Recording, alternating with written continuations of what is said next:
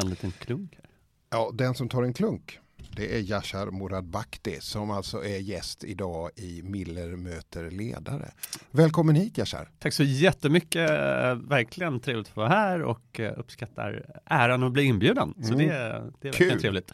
Jag som snackar heter Andreas Miller och är förbundsordförande för Ledarna. Och vi ska ju prata lite grann om teknologi och hur den kan skapa integration. Mm. Och så ska vi prata om livet som ledare för ett startupföretag mm. och vad du tänker om det. Och sen tänker jag också att vi ska liksom blicka lite framåt kring mm. svenskt samhällsklimat och sådär också. Mm. Men du, eh, ska vi lyssna på en presentation av dig? Yashar Murakbakti tog examen inom datavetenskap på Kungliga Tekniska Högskolan och har under sin karriär arbetat på EA Games, Spotify och MTG. Tillsammans med två kollegor från Spotify bestämde han sig för att skapa ett enklare sätt att lära sig språk, vilket blev starten till företaget och språkappen Lingio som lanserades 2015. Lingios fokus är att effektivt lära ut yrkesspråk till nyanlända och arbetsmigranter inom olika yrkesområden. Och Lingio har tecknat samarbeten med en rad företag inom bland annat transport, service och byggsektorn. Ja, det där är du Yashar idag kan mm. man säga, eller liksom din CV sådär. Men om vi skulle flytta oss tillbaks, hur gammal är du? Eh, 39. 39. Ja. Så om vi flyttar oss 30 32 år tillbaka ja. i tiden. Då är du sju år. Ja. Du kommer från Iran. Precis. Du kommer till Sverige. Precis. Vad är det första svenska ord du lär dig? Uh, det kommer jag inte riktigt ihåg, men det bland det första jag såg var, var väldigt mycket snö när vi kom, uh, klev ur planet då. Uh, men det gick ganska snabbt att lära sig språket. Jag tror jag uh, under, inom loppet av ett halvår hade jag nog lärt mig det svenska språket. Och, och, det har med åldern att göra, men också att vi, vi tidigt hamnade eh, på Gärdet där de flesta var svenskar, så då, då, gick det snabbare att bara suga in sig språket och, och bli bra på det. Ja. Men minns du, minns du liksom vad de första orden var som du hittade? Äh, verkligen osäker, det, det var så länge sedan, men eh, jag vet att det gick väldigt snabbt att lära sig språket och komma in i, eh, in i skolan och in i fritidsaktiviteterna. Så det gick väldigt fort. Mm. Jag, Nej, jag, jag, såg dig på YouTube där du pratade om faktiskt om din livsresa. Mm. Uh, och där är ju också dina föräldrar som jag uppfattade var väldigt snabba på att liksom eh, om jag får säga så, göra svenska saker. Ja. Uh, vandra i fjällen och, och så vidare. Hur, hur, viktigt var det där för dig att, och för din familj att, att komma in i samhället? Jag, jag tror de hade en, en rejäl strategi för det här väldigt tidigt. Att det, eh, man måste lära sig sederna, kulturen, landet dit man kommer. Inte bara för att man måste egentligen, men också att, för att det är kul och de var intresserade. Eh, och jag tror både mina föräldrar, när de ändå valde att flytta till Sverige, så tänkte de vilka är det mest demokratiska landet att flytta till? Eh, så de hade en väldigt eh, fin bild av Sverige och de hade liksom enorm respekt för, för landet som sådant. Mm. Vad betydde, eller vad betyder språket skulle du säga? Eh, för mig skulle jag säga att det betyder väldigt mycket om man tittar på det nu så här i efterhand. Eh, jag tror ändå att det, det är enklare att komma in i eh, samhället och eh, på arbetsmarknaden om man inte bryter. Om man ändå har, har liksom, eh, bra förståelse för språket och eh, uttalar rätt. Det tror jag är ganska viktigt. Du, det är ju ingen tillfällighet att vi börjar det här samtalet i språket. Mm. För du är ju här som eh, vd för ett startup-företag som jobbar med en språkapp. Mm. Är det din är det liksom den här bakgrunden och de här för 32 år sedan och resan in i Sverige, är det, är det grunden till att du engagerade dig eller började att utveckla en språkapp, Lingio? Så det var ju ett team effort, så det var ju kopplat till att vi 2015 märkte att det, men de flesta fick ju eh, någon viss uppenbarelse att det Syrienkriget eh, var en katastrof. Då. Och det, det, var tack för att media började belysa det ännu mer. Eh, och då ville många hjälpa till och vi tänkte att eh, vi kan ju IT och programmering så vi kanske ska ta fram en språkapp för språket eh, eh, är ju en integrationsfaktor. Det, det hjälper en komma in i samhället. Så det var lite så det började, att vi, eh, jag och några kompisar tyckte att det var en viktig grej att satsa på. Och sen har det sakta men säkert blivit ett företag av det eh, på den resan. Mm. Ska vi, för den som inte har sett Lingio-appen, eh, skulle du ge mig en kort förklaring? Om jag är nyanländ till Sverige och vill bli busschaufför, då har, har jag nytta av er app då? Absolut, för, för då kan man lära sig bussvenska. Eh, och man kan även lära sig vårdsvenska eller byggsvenska, eh, städsvenska och så vidare. Så vi täcker nästan alla större branscher eh, där man kan. Men hur funkar det då? Om jag nu ska lära mig bussvenska, alltså är det, är det busstermer och bussterminologi eller vad? Precis, så det är både termer och dialoger. Så det är situationer som sker i arbete som kan vara kopplat till passagerare eller det kan vara kopplat till kollegor. Eh, vardagliga eh, skeenden eh, som man behöver hantera och då lär vi ut dialoger eh, kopplat till det. Eh, så man får lära sig språkbruket i just de situationerna. Hur många språk är det i den här appen? Alltså, hur, är det arabiska? Eh, vi har alltid engelska och arabiska med, ja. eh, men sen beror det på branschen. I vissa branscher är vissa språk viktigare. Så till exempel i bygg så är polska och ryska viktigare, medan i buss så kan tigrinja och somaliska vara viktigare. Och sen i städ kan det vara thailändska och eh, polska till exempel. Så det beror på vilken bransch det rör sig om. Vad var det som gjorde att du flyttade dig då från sport, e-sport och, och, Spotify och MTG och in till ett, liksom i botten en social idé om vad det var du ville göra. Vad, vad var det som gjorde det? Eh, det är ett par faktorer. Eh, ett, att mina föräldrar alltid varit eh, de är medborgarrättsaktivister, så de är ute på gatorna och protesterar mot eh, orättvisor. Eh, så det har alltid varit en, en viktig fråga i familjen, att hur, hur hjälper man andra eh, vid middagsbordet? Samtidigt har de varit entreprenörer.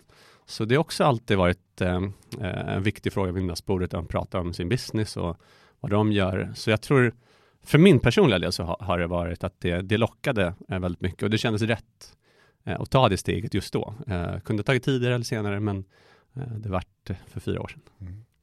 När jag pratar med chefer och ledare i många andra sammanhang så pratar de, flera av dem att det är viktigt med en mening med det man gör. Mm att det har betydelse. Att medarbetarna förstår varför gör vi det här och mm. vad är den större berättelsen? Vad, vad tänker du när jag säger så?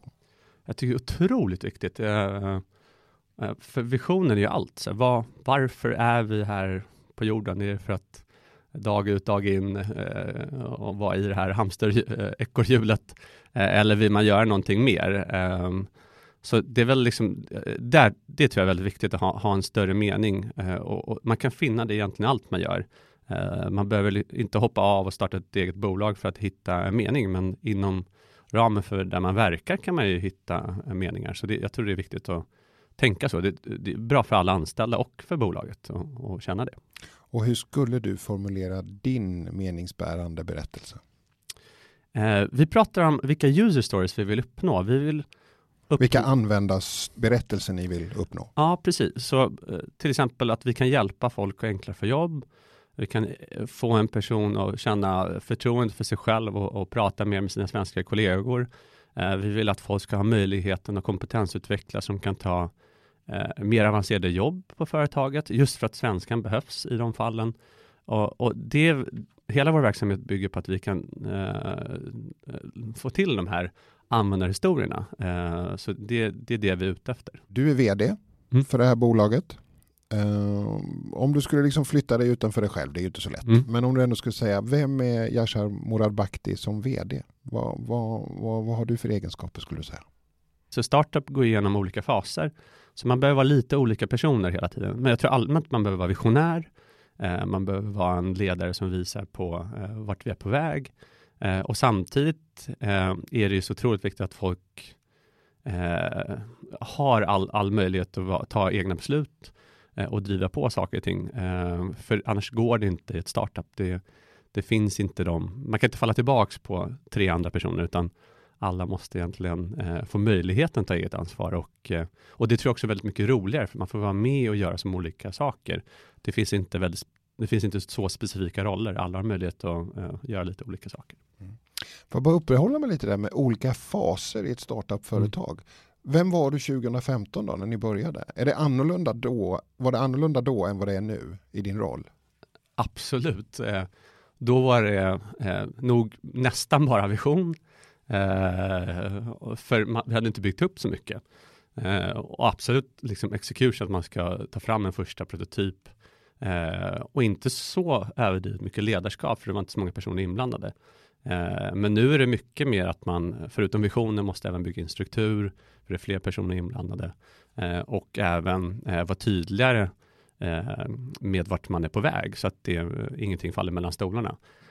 Så man får anpassa sig lite för varje fas. Hur gör du då? som vd när du ska bygga den där strukturen? Vem jobbar du med? Liksom för att, eller behöver du jobba med någon för att bolla och tänka och liksom flytta organisation? Eh, det är så litet team så alla är ju eh, inblandade eh, more or less. Men vi har ju eh, tydligt att det finns folk som äger olika områden. Så någon kan vara ansvarig för teknik, en person är ansvarig för innovation, en är ansvarig för innehållet. Eh, men, men vi har ju en väldigt öppen dialog för just att det, alla kan tillföra så mycket när det är så, så ett litet team. Mm. Men du, har du någon mentor? Mina föräldrar ska jag säga. De är, jag träffar dem väldigt ofta, en till två gånger i veckan. Eh, eh, det lockar alltid att åka hem till Persian soul food. Eh, så det, men sen, är, de är väldigt rutinerade, väldigt erfarna. Så. Du, vad, vad, skulle du säga? Du har ju en bakgrund på KTH, mm. datavetenskap och, och så. Vad har det betytt för dig i det här jobbet? Eh, väldigt mycket. Vi, det här är typiskt, bara en rolig anekdot. Eh, det är typisk grej eh, hos iranier att antingen blir man läkare eller så blir man ingenjör. Det, det är en kulturell grej bara.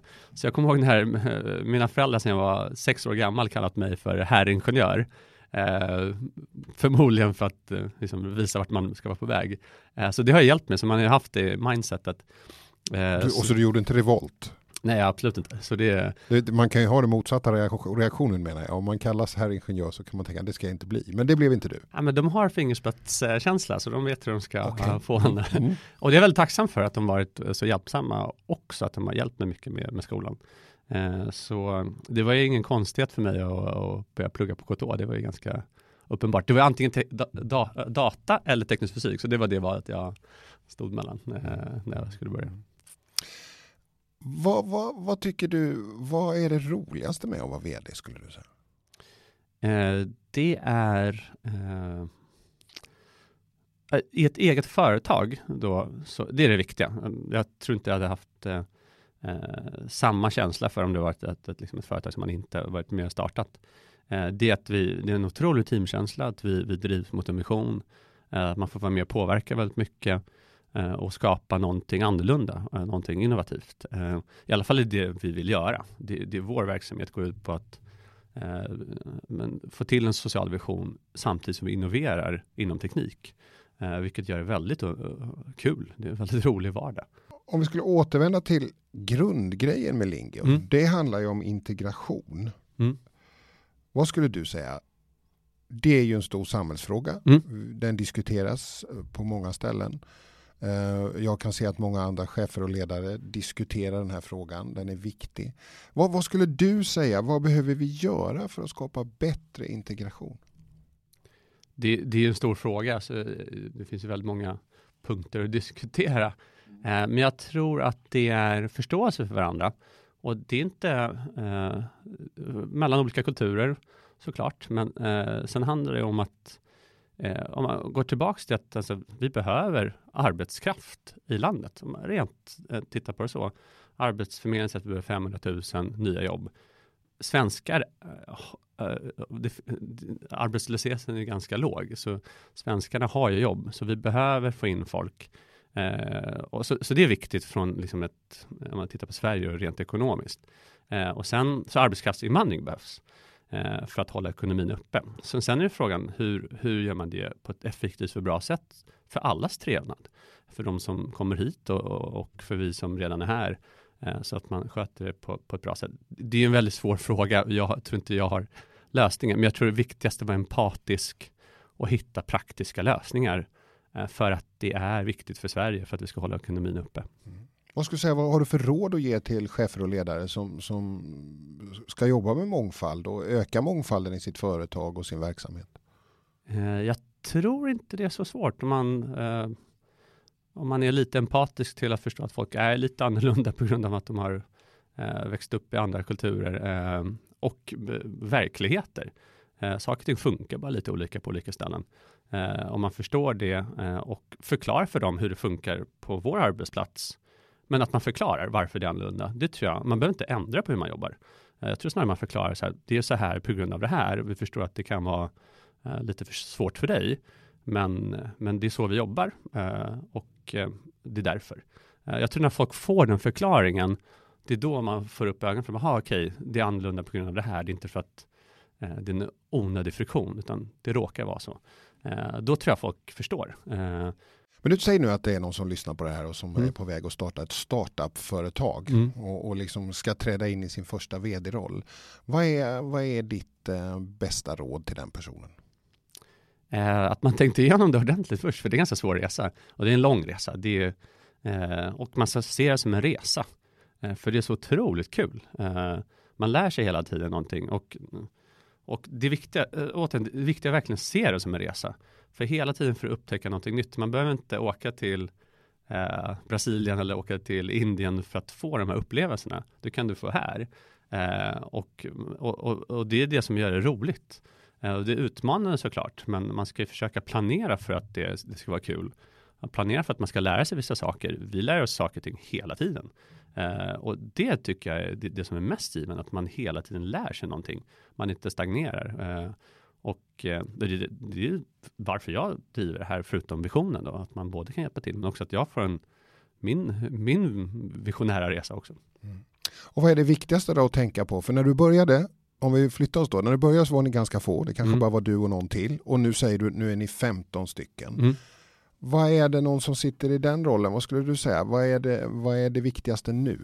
Praktiska tips, var finansierad. Så eh, det jag gjorde i början var att jag, jag konsultade halvtid. Så jag hade ju eh, finansiell ro, ska jag säga. Så att jag kände att det, det fanns ju intäkter och pengar. Och sen jobbade jag 100% med bolaget. Eh, så, så, du jobbar 150%? Ja, absolut. Ha pengar och jobba 150%? Ja, det tror jag. Det är mitt tips. Men jag tänker också om man 15 stycken personer, mm. då dyker det plötsligt upp personalärenden. Mm. Det kan dyka upp vab, det mm. kan dyka upp eh, rehabiliteringar, det kan mm. dyka upp en massa olika saker. Hur, hur hanterar du det? Man får ta det när det, när det kommer. Vi, vi blir så otroligt bra på att lösa problem snabbt. Så det händer det någonting som är utanför vad vi tänkt oss så får man bara lösa det snabbt. Och, det, och där är det så viktigt att det här nätverket av folk man känner som har den kompetens som man saknar själv. Och det är väldigt viktigt att man, man vågar ta hjälp, att man frågar eh, folk, även om man inte känner jätteväl, hur, hur löser ni det här? Eh, och nätverka mycket, för man lär sig väldigt mycket av folk och fråga gärna någonting. Eh, jag, jag lär mig saker på fem minuter i en diskussion för att jag ställer de frågorna jag tror den personen kan svara på. Eh, och det lär man sig väldigt mycket av, att våga fråga rätt saker. Kan man känna sig ensam? Jag menar, jag tänker ett stort företag, de kan ha en personalavdelning, de kan ha en kompetensutveckling, de kan ha en massa olika saker, men det har inte du. Första två åren var vi ganska ensamma, för då var vi så få. Och det var jag som la mest tid på det hela. Så det var ganska ensamt. Men då, ja, som man var ändå ute och nätverka, träffa annat folk. Eh, men nu är det inte så. Nu är vi, nu är folk. Så nu känns det inte ensamt på det viset. Yashar, Morad Bakhti, eh, väldigt spännande och kul att få prata med dig. Vad tror du du gör om tio år? Eh, förhoppningsvis eh, har vi byggt upp ett bolag som eh, är världsledande på utbildningar eh, och vi hjälper folk att uppnå sina mål. För jag tror via utbildningar så kan man ta um, nya steg, man kan få nya, nytt jobb, man kan få nya möjligheter och vi kan vara det bolaget som hjälper människor runt omkring världen alla egentligen, inte bara utrikesfödda, utan eh, vi vill ju vara ett, ett utbildningsbolag då, eh, globalt. Så det är vårt, vårt stora mål. Då får vi se om du kanske kommer tillbaks till den här podden, eh, Mille möter ledare, Absolut. som eh, vd för ett av världens största utbildningsföretag. Ja, det hade varit jätteroligt. Det hade mm. varit ganska, vi ska säga, det, det, skulle ju vara jättekul. Ja, verkligen. Ja. Tack för att du kom. Tack, tack. tack.